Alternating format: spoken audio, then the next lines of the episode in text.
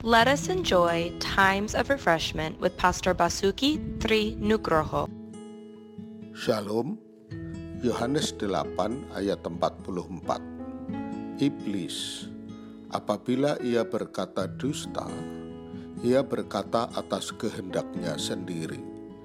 Sebab ia adalah pendusta dan bapa segala dusta.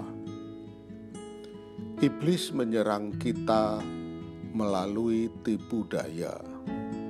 Kita ditipu melalui tiga macam godaan, yaitu yang lebih cepat, yang lebih murah, dan yang lebih mudah.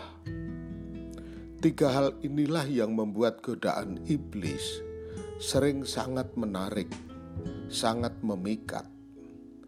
Tipu daya ini menggoda siapa pun juga, entahkah orang itu di dalam kerumunan atau dalam kesendirian, baik yang berpendidikan tinggi maupun sederhana, baik mereka yang bergerak dalam pelayanan maupun pekerjaan sekuler.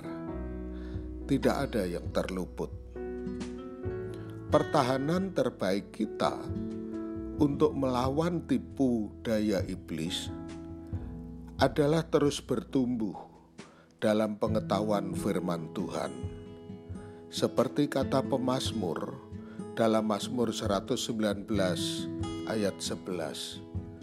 Dalam hatiku aku menyimpan janjimu supaya aku jangan berdosa terhadap engkau. Tuhan memberkati.